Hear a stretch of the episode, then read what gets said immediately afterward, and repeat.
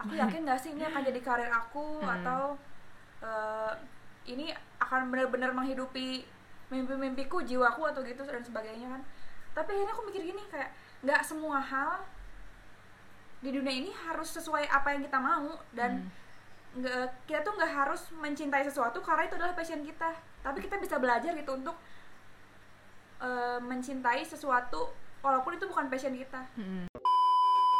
Sebenarnya purpose atau tujuan hidup itu nggak perlu yang ribet-ribet. Kayak gue mau jadi presiden memperbaiki perekonomian dan kondisi negara yang sedang seperti ini gitu ya. Coblos Gua- nomor satu. Jadi sebenarnya nggak usah muluk-muluk gitu gitu. Mulai aja dari hal yang paling kecil karena one step matters. One thing at a time pelan-pelan satu-satu. Dan istilahnya kalian itu kalau mau berkembang nggak perlu langsung 100 gitu. Mm. nggak apa-apa mulai dari satu persatu aja gitu. Karena dengan taking step by step itu kita jadi kayak ngerasain yang namanya proses itu sendiri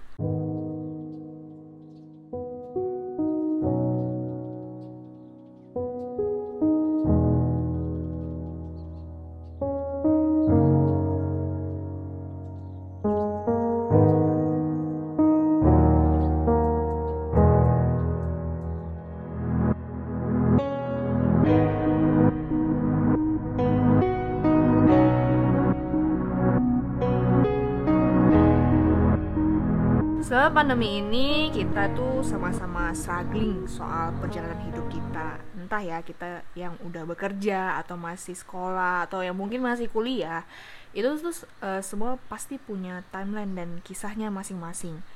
Eh, Kira-kira eh, pernah nggak sih lo tuh ada di satu titik di mana lo tuh mikir kayak gue nanti kuliah apaan ya? Kira-kira gue bakal kerja sesuai passion gue nggak ya? Ah, terus passion gue nih apa sih gitu. Gue pernah ada di satu titik itu pas masuk usia 20-an gitu. Nah pertanyaan itu muncul terus gitu di pikiran gue sampai akhirnya gue ngerasa gue tuh takut kalau nanti gini nanti gitu. Padahal dijalanin aja tuh belum. Udah mikir nanti gimana kan agak-agak gimana gitu. Nah tentu aja gue mau bahas topik ini nggak sendirian karena gue ngajak dua teman gue yang cerita pertemuannya tuh ya kayak aduh seolah-olah semesta tuh udah nentuin gitu loh. Titik semesta itu udah ditentuin gitu loh.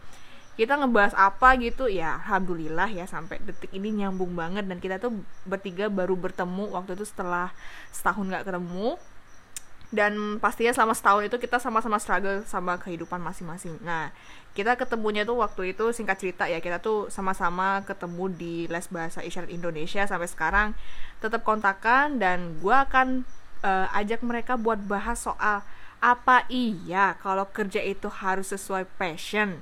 Nah, eh, aku mau kenalin nih, aku mau eh, suruh ini nih teman-teman aku masuk dulu. Aku biasanya panggil kak sih karena mereka ada di atasnya aku. Aku nggak, me- ak- tapi mereka masih muda kok tenang aja guys. Halo Kak Hani dan Kak Silvi. Hai. berisik banget Berisik rame ya, banget. makin rame. Rame ya, rame Ada ya. Suara kipas, suara kita berdua. Gitu. Iya dikarenakan Denpasar ini panas sekali ya, jadi eh, kita nggak jauh-jauh sama kipas. Membutuhkan blower. Iya betul betul. Dan eh, ini ya kayaknya kalau kita ngomongin passionnya emang nggak habis-habis dan kita kalau ngelihat sosial media itu pasti aku tuh harus bekerja sesuai passion. Nah, gimana sih cara nemuin passion? Nah, kali ini kita bertiga nih bakal ngomongin atau mungkin lebih curcol kali ya tentang apa sih sebenarnya passion tuh. Nah, eh, siapa nih duluan? Kak Hani atau Kak Silvi yang duluan Hmm, menjelaskan tentang Hani passion? dulu. Oh, Kak Hani dulu ya. Kak Hani, kira-kira menurut kakak tuh, menurut pri- pribadi kakak tuh apa sih passion itu? Eh, kalau aku sendiri rasanya nggak berhak bilang ini pendapat pribadi ya karena apa yang ada di kepala aku sekarang itu ngambil dari banyak sumber gitu salah satunya aku pernah banget struggling sama yang namanya mencari passion Mm-mm. sampai akhirnya aku googling banyak hal salah satunya aku nemu jurnal Mm-mm. Wah boleh nih. ini lah ini jadi ceritanya dia menjabarkan passion itu sebagai keinginan kuat buat seseorang dalam melakukan sesuatu yang didasari oleh rasa suka di mana mereka menginvestasikan tenaga dan waktunya untuk hal yang dikerjakan tersebut. Hmm. Wah, jadi ini kayak lo bener-bener sangat invest banget nih ke kegiatan itu makanya lo bilang itu passion gitu. Ah, ah. Nah, tapi kalau eh, lihat di Cambridge Dictionary sendiri, ternyata passion itu ada dua definisinya gitu. Yang pertama tuh adalah strong interest, yang kedua tuh ada emotion nah emotion ini ya di mana disebut bahwa passion itu strong feeling suatu perasaan yang kuat gitu. Jadi balik lagi ke definisi yang pertama ternyata passion itu hubungannya adalah sama feeling keinginan gitu. Mm-mm. Kalau sampai detik ini passionnya Kak Hani apa nih? aku belum nemuin sebenarnya Oh, passion aku nemu ya. apa aku ngerasa eh, hidup aku masih sangat panjang. Jadi kalau untuk menentukan di usia sekarang oh passion aku adalah ini gitu. Kayaknya itu terlalu cepet ya Hmm. gitu sih kalau menurut aku Oh gitu. Tapi kalau kasih menurut Kak Silvi nih, pe- eh, dari pribadinya Kak Silvi, passion itu apa? Tadi kan Kak Hani udah jelasin kalau sesuai dengan eh, jurnal yang udah dibaca juga sama Kak Hani kalau intinya tuh apa tuh sesuatu yang di mana kita tuh suka dan berani menginvestasikan tenaga dan waktu untuk kegiatan itu. Nah kalau Kak Silvi gimana nih definisi passionnya? kurang lebih sama sih sebenarnya tapi kalau aku menyederhanakan passion itu adalah sebuah gairah Hmm. gairah hidup di mana ketika kita melakukannya kita merasa ada tadi bener emosi terus eh, segala sesuatu yang bisa kita curahkan Hmm. energi kita juga kita curahkan ke sana gitu menurut aku satu kata yang bisa mendefinisikan passion menurut aku adalah gairah Hmm, sebuah gairah. gairah, oke Hmm, kalau benar. aku mungkin pakai kata suka kali ya Suka. Ah,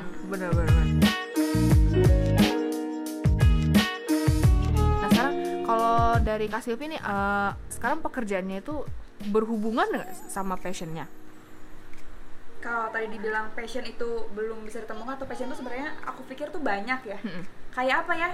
Kayak kita nggak bisa nentuin saat ini bener kata Hani. Saat ini passion gue ini titik enggak gitu.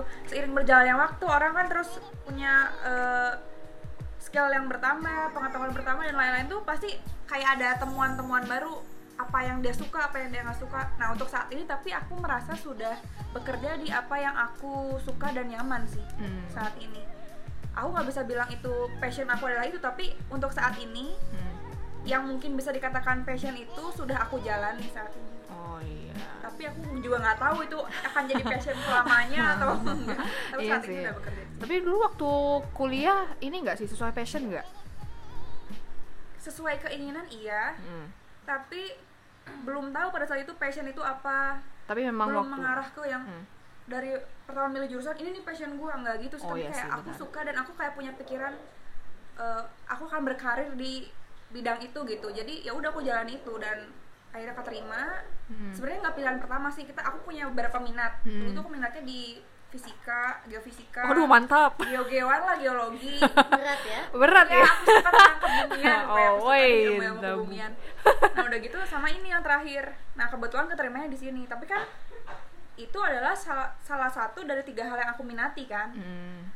aku nggak bisa bilang itu passion cuma aku menjalani apa yang sudah aku pikirkan. Pada saat itu aku, aku akan menjalani karir itu. Oh gitu. Berarti eh, pas waktu kuliah tuh berarti nggak ada desakan orang tua tapi keinginan Mm, nggak hati ada ya. mm, nggak ada ini sih nggak ada Oh ya, ber- pressure dari mana-mana Oh sampai oke lah. Terus kalau Kak Hani gimana? Apa pekerjaan saat ini udah masuk passionnya belum sih? Hmm, tadi kan aku udah sempat bilang kalau aku belum nemuin passion ya. Hmm. Tapi kalau dilihat dari definisi passion yang aku jelaskan tadi, passion itu intinya adalah suka melakukan sesuatu gitu. Misalnya kayak kalau zaman sekolah dulu, misalnya kamu suka banget pelajaran seni nih dibandingkan matematika, kamu pasti bakal invest waktu tenaga kamu buat ke pelajaran seni itu tersebut. Hmm, nah, eh, aku ngerasa itu yang aku jalani sekarang sih di pekerjaan aku aku sangat suka banget meskipun yang namanya pekerjaan kan nggak mungkin kita 100% suka ya Ada Bener, bener. faktor-faktor eksternal lainnya yang bikin kita kayak Iya. aduh bete banget nih sama kerjaan ini tapi so far aku sangat puas dan suka dengan pekerjaan ini. Sesuka sukanya tuh nggak mungkin mulus-mulus aja gitu kan? Mm-mm, Bener-bener betul sih, banget. bener, bener, jadi bener. kayak em, kalau dibilang eh lo suka kerjaan lo apakah karena ini passion lo? gitu. Enggak juga gitu. Bukan. Bukan karena passion aku suka pekerjaan ini sebenarnya. Jadi karena aku menikmati sih sejauh ini gitu. Kayak misalnya kalau ada yang pernah nanya nih ke aku gitu "Eh, eh lo usianya segini nih lo ngerasa suka banget sama kerjaan lo? Apakah lo udah menemukan passion lo? gitu. Terus aku aku bilang "Em, enggak juga gitu. Mungkin ada sebagian orang yang seumuran aku Hmm. suka dengan apa yang dia lakukan itu karena itu adalah passionnya gitu. Tapi untuk aku nggak kayak gitu. Dan mungkin buat teman-teman semua yang belum menem- belum merasa menemukan passionnya di usia eh, akhir 20-an atau awal 20-an itu nggak apa-apa banget karena hidup itu masih panjang kita nggak Iya, tahu ya hidup kita sampai usia betul. berapa. Ah, jadi bener-bener. eh, hidup itu intinya adalah untuk mencari gitu. Jadi nggak masalah kalau misalnya belum punya passion atau gimana intinya tekunin aja dulu sih kalau aku. Iya sih, benar-benar. Tapi kalau menurut eh, kalian berdua nih kak, eh, kan ada nih eh, orang yang sampai detik ini nggak tahu sih aku nggak nggak tahu umurnya berapa, tapi sampai detik ini tuh dia tidak bekerja karena setel- eh, dia tuh susah mencari pekerjaan karena tidak sesuai passionnya gitu. Salah nggak sih kalau kita itu eh, bertahun-tahun nih nggak kerja karena kita nggak nemuin uh, pekerjaan yang sesuai passion. Ada sih banyak nih kasusnya nih pasti yang mendengar juga ada yang bekerja tetapi uh, apa namanya bukan belum bekerja tapi karena uh, lowongan pekerjaan yang dia cari itu nggak ada sesuai passionnya gitu. Siapa nih duluan? boleh kak Sylvie mungkin ha.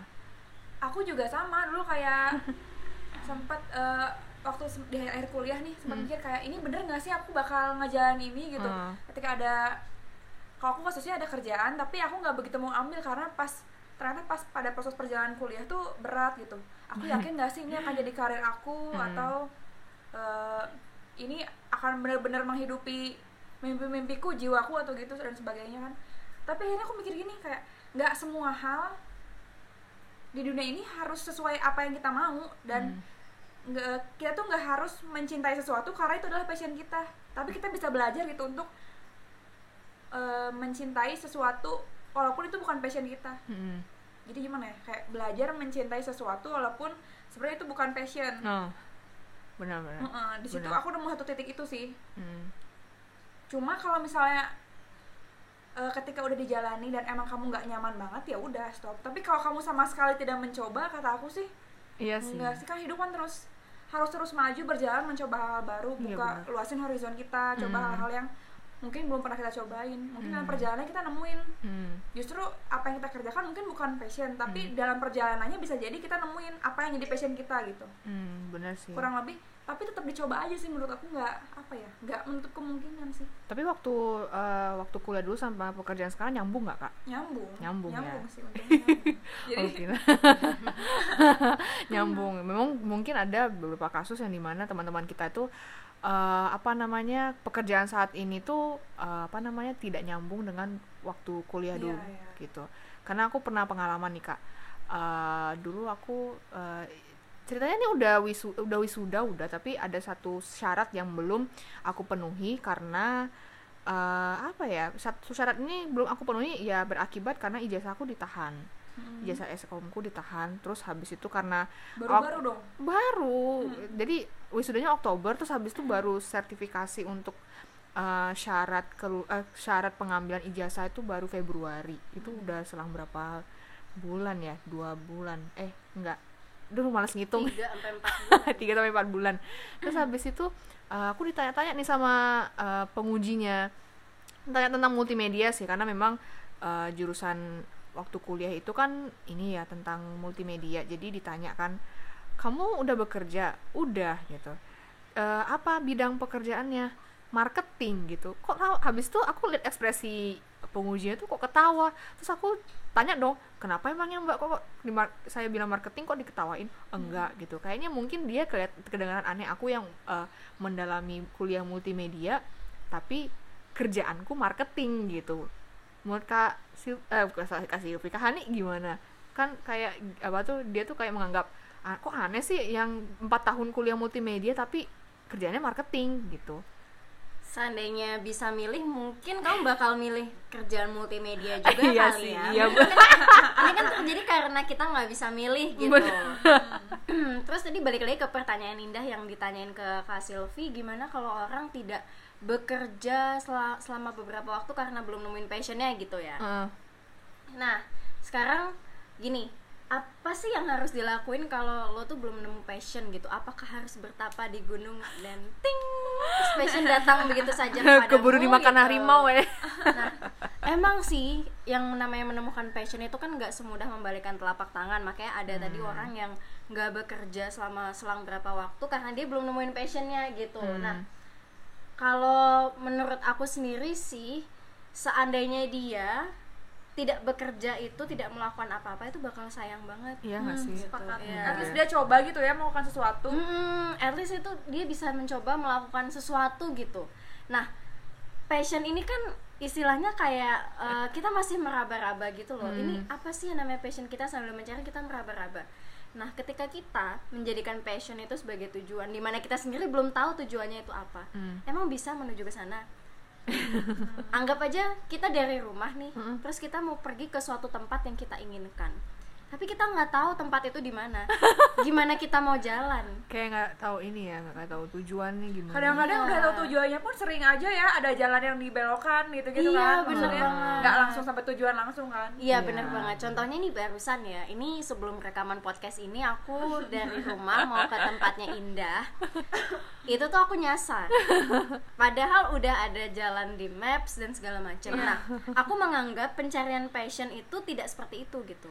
Karena ketika aku mau jalan ke rumahnya Indah, aku udah tahu nih tujuanku adalah rumah Indah. Hmm. Meskipun di jalan nanti aku belok, aku nyasar, tapi aku tahu tujuannya ke mana. Jadi sudah pasti gitu, bisa menargetkan itu. Sedangkan kalau misalnya ngomongin passion, sama aja kayak aku mau pergi ke suatu tempat, tapi aku nggak tahu jalannya ke mana. Hmm, Jadi itu ya. akan bikin kita meraba-raba dan prosesnya akan bikin akan jadi lama banget gitu. Jadi dibandingkan eh, mencari-cari passion, kalau menurut aku lebih baik mencari tujuan dulu gitu. Hmm. What is your purpose of life? Iya. tujuan hidup kamu apa sih gitu lebih relevan ya iya misalnya sesederhana gini aja deh tujuan hidup aku adalah aku ingin menolong orang Hmm. itu kan luas banget tuh Ah, menolong yang orang menolong, menolong dalam artian apa ini? Ah, gitu. nah eksplisitkan lagi ya iya menolongnya apa gitu nah itu kan luas banget tuh itu bisa dikerucutkan lagi Mm-mm. menjadi sebuah hal yang bisa kamu tekuni gitu misalnya kayak aku nih dulu waktu kuliah tuh aku kuliah di jurusan yang aku sama sekali tidak inginkan. Aku sudah keterima di sebuah jurusan cuman itu tidak diterima oleh keluargaku jadi mereka menentukan jurusan kuliah yang lain gitu. Hmm. terus ketika aku masuk di sini ke jurusan itu aku bener-bener kayak wah gue ngapain nih? gitu. Ini nggak sesuai passion gue nih. Passion gue adalah di jurusan yang gue udah pilih gitu. Hmm. tapi kalau kita cuman ngeluh dan denial aja tuh sama aja ngabisin waktu. Hmm. sama ngabisin waktu dan energi sama seperti kalau kita mencoba menjalani apa yang kita lakukan. Persis sama yang Kak Sylvie bilang kenapa nggak coba dijalani aja dulu? Nah itulah apa yang aku lakukan. Kayak instead of blaming my parents and the reality that I am facing at that time aku coba menginvestasikan energi dan waktu aku untuk mendalami jurusan yang aku tidak suka itu gitu Hmm. biasanya kan tidak suka tidak kenal karena kita nggak tahu kan Iya. ya udah Tak coba kenal aja maka tak kenal. sayang. Benar. tak kenal maka tak sayang maka aku coba kenalan ke jurusan aku itu Hmm. gitu terus jadi sayang udah kenalan at least aku survive 4 tahun kuliah gitu Oh. kuliah lulus tepat waktu terus Alhamdulillah. alhamdulillah bisa jadi mapres juga Wih. that's wow buat someone yang nggak suka banget sama jurusan itu aku benar-benar invested banget aku ikut lomba sana sini aku ikut kepanitiaan sana sini bener-bener mendalami banget dan akhirnya aku menemukan pekerjaan sekarang yang punya benang merah sama jurusan aku itu Wih, keren. keren. dengan tujuan aku ingin menolong orang aku bisa nemuin apa yang bikin aku suka jadi um, instead of looking for your passion mungkin lebih ke purpose kali ya tujuan karena dengan tujuan itu kamu jadi punya peta-peta yang jelas gitu loh Hmm. mau ke mana sih kamu gitu jadi biar nggak wasting time and wasting energy aja sih Hmm, bener sih. lebih produktif lah jadinya Hmm, bener Tuh. sih. Saya kalau nggak produktif itu kadang kita suka menyesal nggak sih kayak ya ya ampun gue ngapain aja ya selama ini gitu coba kalau gue ngelakuin ini pasti bakal lebih pasti bakal menghasilkan sesuatu yang lebih bermakna nggak sih pernah sih Iya. kalian mikir gitu Iya sering sih karena yang apa tuh yang belum mendapatkan pekerjaan aja bisa mikir kayak gitu. Yang gue yang udah dapat pekerjaan yang kayak ya istilahnya ya bisa bikin gue apa namanya survive lah sampai detik ini ya gue masih mikir kayak gitu kak. tapi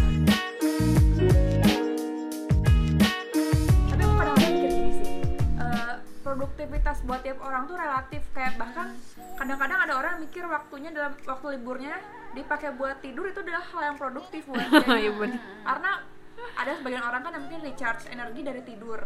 Jadi sebenarnya kata produktivitas ini nggak selalu harus bergerak sih sebenarnya menurut aku. Tapi dia tahu apa yang apa hal yang membuat eh, diri dia tuh bisa berkembang.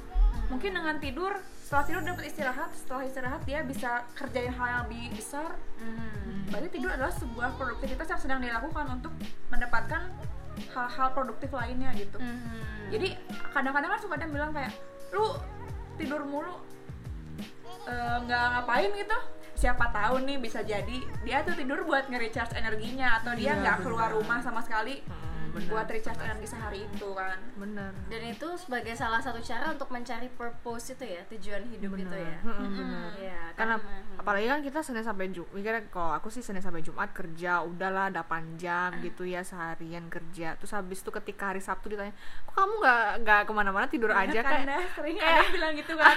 Aduh emang gua- produktif dong hari Sabtu. Iya tidur gue produktif. Kalau gue nggak tidur gimana gue recharge energi untuk Senin iya gitu. terus aku juga pernah mikir sih kak kan uh, aku pernah ngeluh uh, pekerjaan aku tuh nggak sesuai passion gitu. Karena kan memang sih memang kalau dibilang berhubungan nggak sama jurusan kuliah tuh ya berhubungan sih. Karena ini ke- tentang IMK interaksi manusia dan komputer.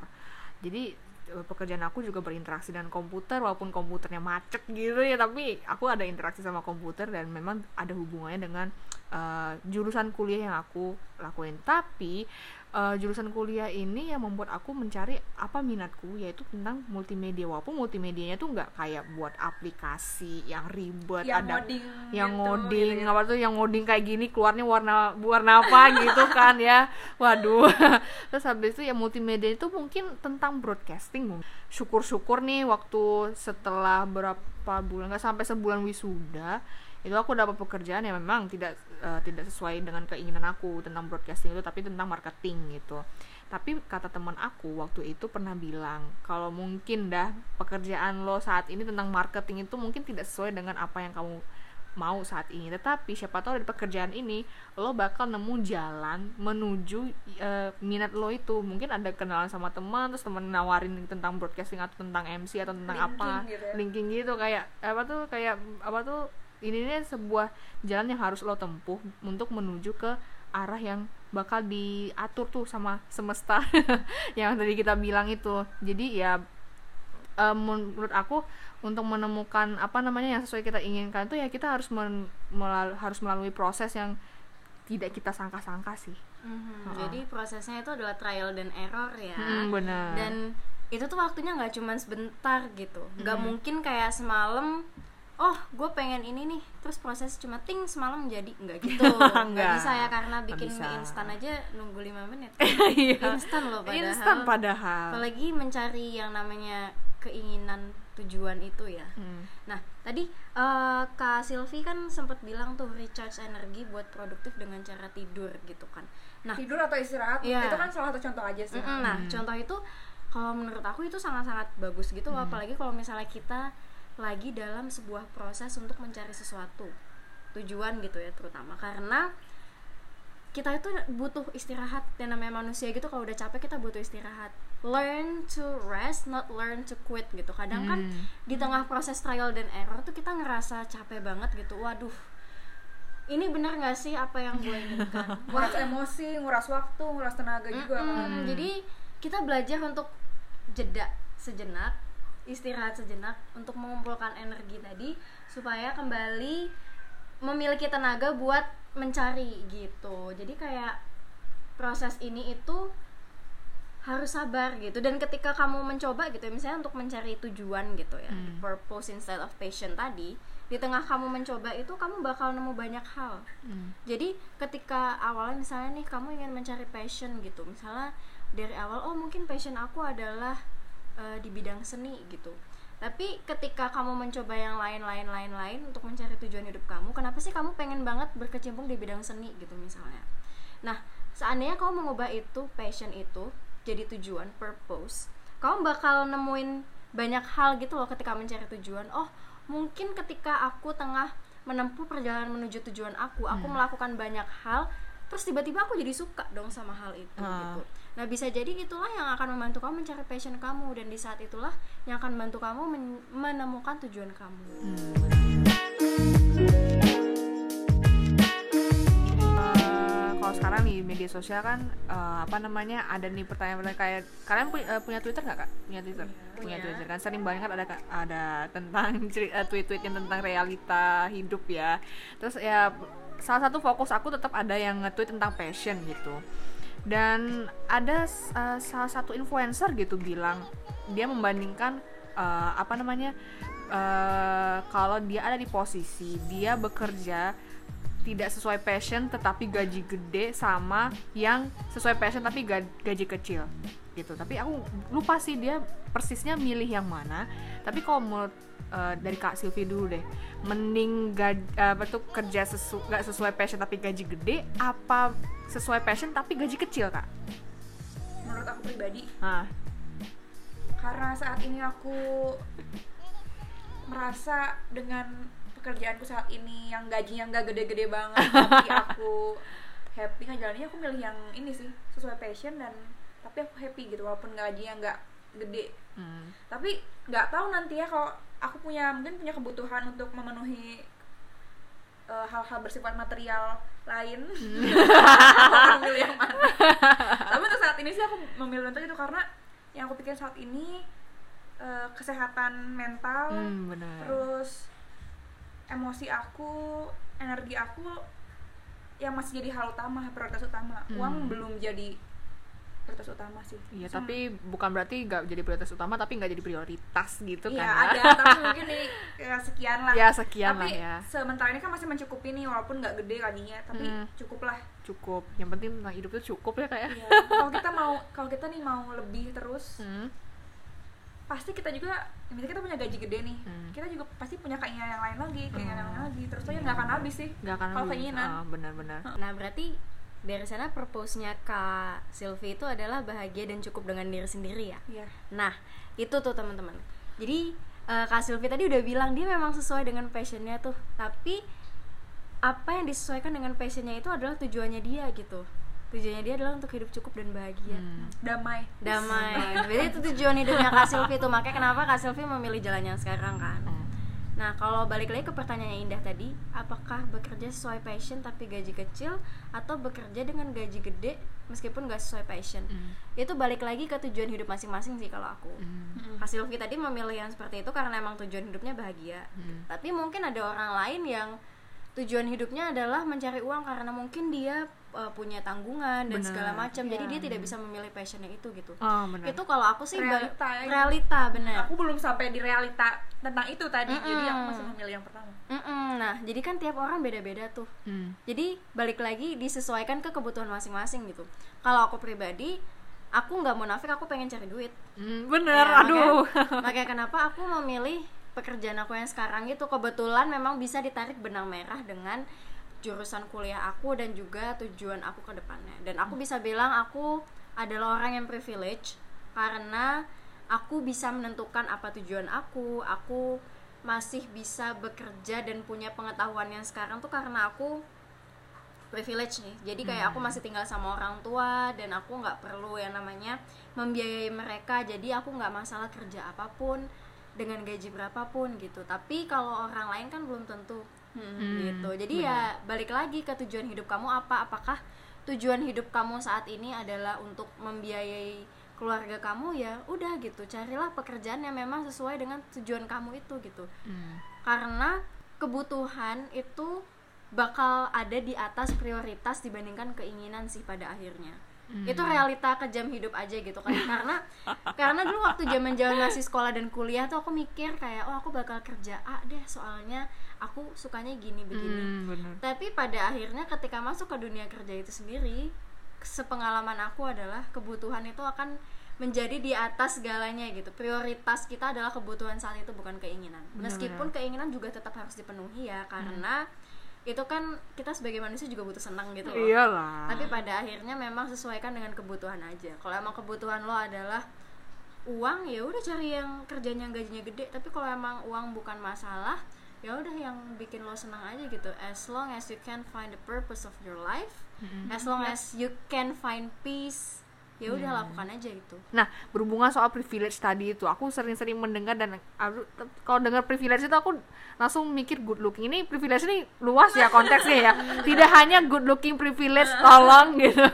Nah, menurut aku sih kayaknya kalau misalkan kita mau ngejar passion itu mau ya, menemukan passion itu sebenarnya juga butuh privilege nggak sih kak kayak misalkan aku per- eh, aku pernah punya aku bukan pernah punya sih kak aku punya eh, penulis favorit gitu dan dulunya tuh dia bukan penulis yang wow gitu tapi sekarang itu karena bukunya banyak banget disukai itu jadinya dia na- namanya naik dan difavoritkan bukunya tuh di semua kalangan tapi eh, di semua kalangan sebagian besar tuh tentang eh, apa namanya di rentang usia 20 sampai 25-an ke atas lah favoritnya gitu.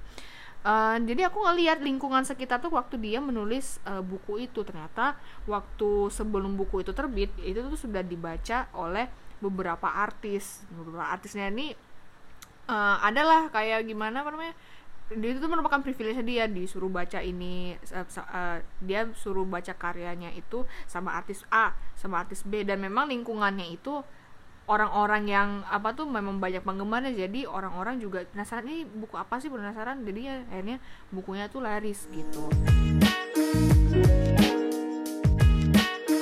Nah, kalau aku sendiri juga ngerasa sih, aku juga merasa menulis adalah passionku gitu.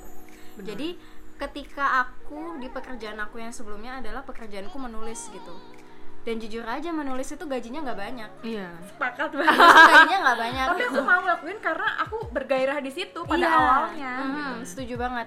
Tapi pada akhirnya ketika lo muak sama kerjaan lo itu karena meskipun lo suka sama kerjaan lo tapi bakal banyak faktor ya yang bikin kita kadang eh, kayak oleng sedikit, bikin kita capek, bikin kita kesel, marah itu passion lo itu nggak akan menolong lo sih kalau itu sepeng- sepengalaman gue ya. Jadi kayak justru awalnya yang suka menulis jadi muak sama menulis karena itu adalah sebuah keharusan pekerjaan. hmm, bener Makanya kenapa kalau dari aku pribadi aku memilih untuk bekerja sesuai dengan tujuan hidup aku apa gitu. Sepakat, mm. Dan passion aku aku gunakan untuk menjalani hobi untuk bikin aku senang.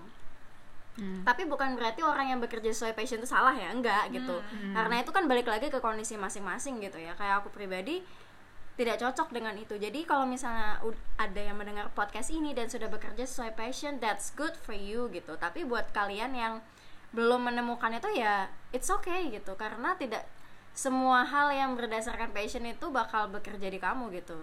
Semua baik lagi ke diri kamu sendiri gitu. Kayak contohnya tadi ngomongin privilege nih. Hmm.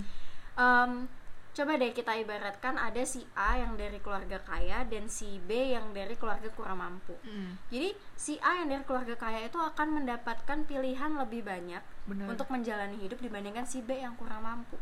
Makanya bisa kita bilang dia si A itu punya hak istimewa atau privilege untuk memilih misalnya tadi sesuai passionnya gitu. Hmm. Nah sedangkan si B belum tentu bisa milih sesuai passionnya Bahkan dia passion aja belum tentu dia ngerti apa Karena dengan keluarganya kurang mampu Dia mau makan besok aja belum tahu apa. Iya benar. Yang penting gue dapat uang hari ini gitu ya. Mm-mm. entah itu passion atau enggak. Mm-mm. nggak ngerti dia yang dia Iya gitu. tujuan hidupnya apa gitu. Jadi kayak em, ketika orang punya pilihan yang terbatas Tujuan hidup itu akan jauh lebih pasti dibandingkan passion.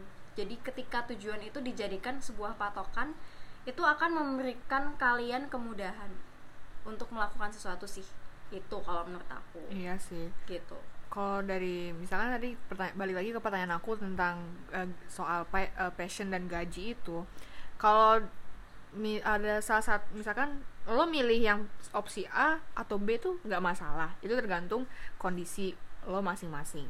Kalau misalkan lo milih A nih kerja nggak sesuai passion tapi gaji gede gitu. Lo ada mungkin di saat di saat di tengah jalan tuh mikir gue bakal berhenti nih berhenti berhenti berhenti. Gue nggak kuat nih kerjaan ini kalau gue sih mikir ya lo tetap kerjain aja walaupun gak sesuai passion tapi gaji gede. Nanti kalau lo udah ngumpulin duit banyak banyak banyak tuh nah baru tuh turutin tuh passion lo lo keluar dan turutin passion lo udah selesai gitu. Jadi kalau yang B sesuai passion tapi gaji nggak gede mungkin ya ini eh, pilihan kalian lagi. Mungkin ada yang eh, ngerasa lingkungan kerjanya eh, apa ya lingkungan Nyaman nyaman ya. gitu ya nggak harus nggak mentingin gajinya seberapa yang penting cukup tapi lingkungan itu bikin lo nyaman ya udah lanjutin aja gitu ya nggak apa-apa sih kalau kalian ada yang milih A atau B ya itu pandangan kalian masing-masing nggak haruslah kalian tuh kalau influencer ngomong A milih A kalian milih A gitu Hmm, kalau perlu influ- juga kalau kita ngomong A kalian mengikuti Ah, sama aja kan bener. ya, gitu. Itu disesuaikan Ini kan dengan- pandangan orang Hmm. pandangan orang masing-masing Iya itu kan disesuaikan lagi dengan kema- Hmm. eh, kemauan kalian juga. Terus habis itu masa iya influencer milih A, kalian milih A. Kalau influencer eh, terjun ke tebing kalian juga ikut terjun ke tebing kan nggak mungkin gitu. Dan ini nih, kalau misalkan sampai saat ini ada yang tidak bekerja karena belum menemuin passion, pesan kalian apa nih kak? Hmm, kalau menurut aku kayaknya coba deh lakuin sesuatu dulu gitu Hmm. mungkin belum kerja belum menemukan ya kita kan nggak tahu ya rezeki orang beda-beda Hmm. gitu tapi ketika lagi nunggu itu coba deh lakukan apa pun sebanyak apa pun karena kita nggak bakal tahu apa yang terjadi ke depannya gitu Hmm. mungkin di tengah pencarian itu kalian menemukan sesuatu hal yang kalian sukai gitu Hmm. siapa tahu dengan menemukan hal yang kalian sukai itu yang kalian nyaman lakukannya bisa jadi tujuan hidup yang bikin kalian berkembang jadi lebih baik lagi gitu Hmm. dan mungkin buat teman-teman di luar sana yang sekarang sedang bekerja tidak sesuai dengan hal yang dia sukai Aku aku. mungkin mungkin kalau eh, dari aku sendiri coba tekuni aja dulu Hmm. lakukan itu mungkin di tengah proses kalian mengerjakan sesuatu itu kalian bisa menemukan hal yang ternyata kalian nikmati gitu Hmm. kayak ini ini sih aku berbicara pengalaman ya yang tidak seberapa sebenarnya. Karena aku sendiri juga masih mencari gitu loh.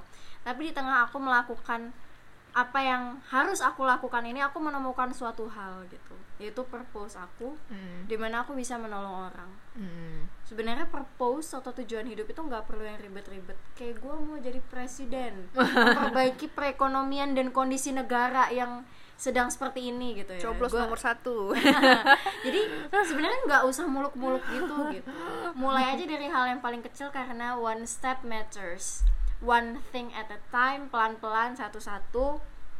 Dan istilahnya kalian itu kalau mau berkembang nggak perlu langsung 100 gitu. Hmm. nggak apa-apa mulai dari satu persatu aja gitu. Karena dengan taking step by step itu kita jadi kayak ngerasain yang namanya proses itu sendiri Hmm. proses itu yang akan bikin kalian mengerti kalau hidup itu sebenarnya bermakna kok gitu Hmm. jadi biar lebih banyak bersyukur dan gak ngerasa sedih aja sih Iya sih, iya benar-benar. gitu kalau aku sih mau bilang kalau gairah atau passion itu tuh bisa jadi nggak cuma satu gitu Hmm, benar sih. setiap orang pasti punya beberapa hal yang dia minati dia sukai Hmm. terus kata Hani tadi bener di dalam perjalanannya tuh kita nggak tahu kita bakal belok ke mana mau Hmm. apa akhirnya untuk Hmm, mencapai bener. itu tetap sabar aja tetap merasa jangan merasa diri ini nggak berguna Iya benar jangan sering ngerasa gitu ya. kalau kita belum nemuin passion tuh kayak apa sih gua mah apa tuh gitu. Ah. Jangan gitu terus belajar juga sambil kenali diri sendiri karena terkadang kita melakukan sesuatu tuh nggak berdasarkan diri kita tapi berdasarkan hal-hal di luar diri kita Hmm. jadi sambil menuju ke sana kenali diri sendiri juga Hmm. terus nikmati prosesnya waktunya yang nggak sehari dua hari itu nikmati Hmm. karena gue percaya sih nggak entah sekarang entah besok entah tahun depan lusa atau kapan Hmm. lu bakal nemuin sesuatu eh, atau satu hal yang lu cintai lu nyaman melakukannya lu happy ketika melakukannya dan lu mau berkarya secara penuh di situ jadi eh, nikmati prosesnya terus Iya. kenal diri lagi lebih dalam Iya sih, ba- kebanyakan orang enggan untuk menikmati prosesnya, maunya yang langsung blok gitu, ya langsung instan bener. gitu. Padahal mie instan aja butuh direbus dulu. bisa masak mie instan dah. Iya bisa, bisa lah, bisa dong, bisa lah masak Ya mie instan. Ya ampun di belakang bungkusnya tuh ada, ada, caranya. udah jelas caranya. Masih ada yang nggak bisa yang Masih ada lah sayangnya ya. Perjalanan dalam hidup itu nggak kayak ngerebus mie instan yang ada tutorialnya gitu ya Iya, kita nggak ada tutorialnya Iya, menjalani benar. hidup trial dan error semangat Iya, ya memang semangat. menjadi orang Semangat dewasa itu semuanya. berat Iya semangat. dan nggak semua hal di dunia ini harus sesuai dengan apa yang kita mau sih Ah, Iya. bener. Kita tutup dulu session tentang passion kali ini. Terima kasih untuk Hani dengan Silvi udah berbagi soal passion dan nanti kita bakal ngobrolin lagi soal apa yuk, apa yuk tebak aja dulu ya. Dan Sepertinya untuk episode kali ini aku cukupkan sampai di sini. Makasih semuanya yang udah dengerin episode ini dari awal sampai akhir. Bagi kalian yang mau uh, ngasih saran, enaknya next episode kita bahas apa ya atau mungkin punya cerita yang menarik bisa DM Instagram pribadi aku Indah Hidayati atau @katanya podcast atau juga bisa lewat email di, kata, di katanya podcast 2 at gmail.com. Jangan lupa follow Instagramnya dan akan setiap episodenya subscribe channel YouTube ini dan aktifkan notifikasinya biar gak ketinggalan episode katanya podcast. Aku pamit undur diri. Terima kasih dan selamat beristirahat.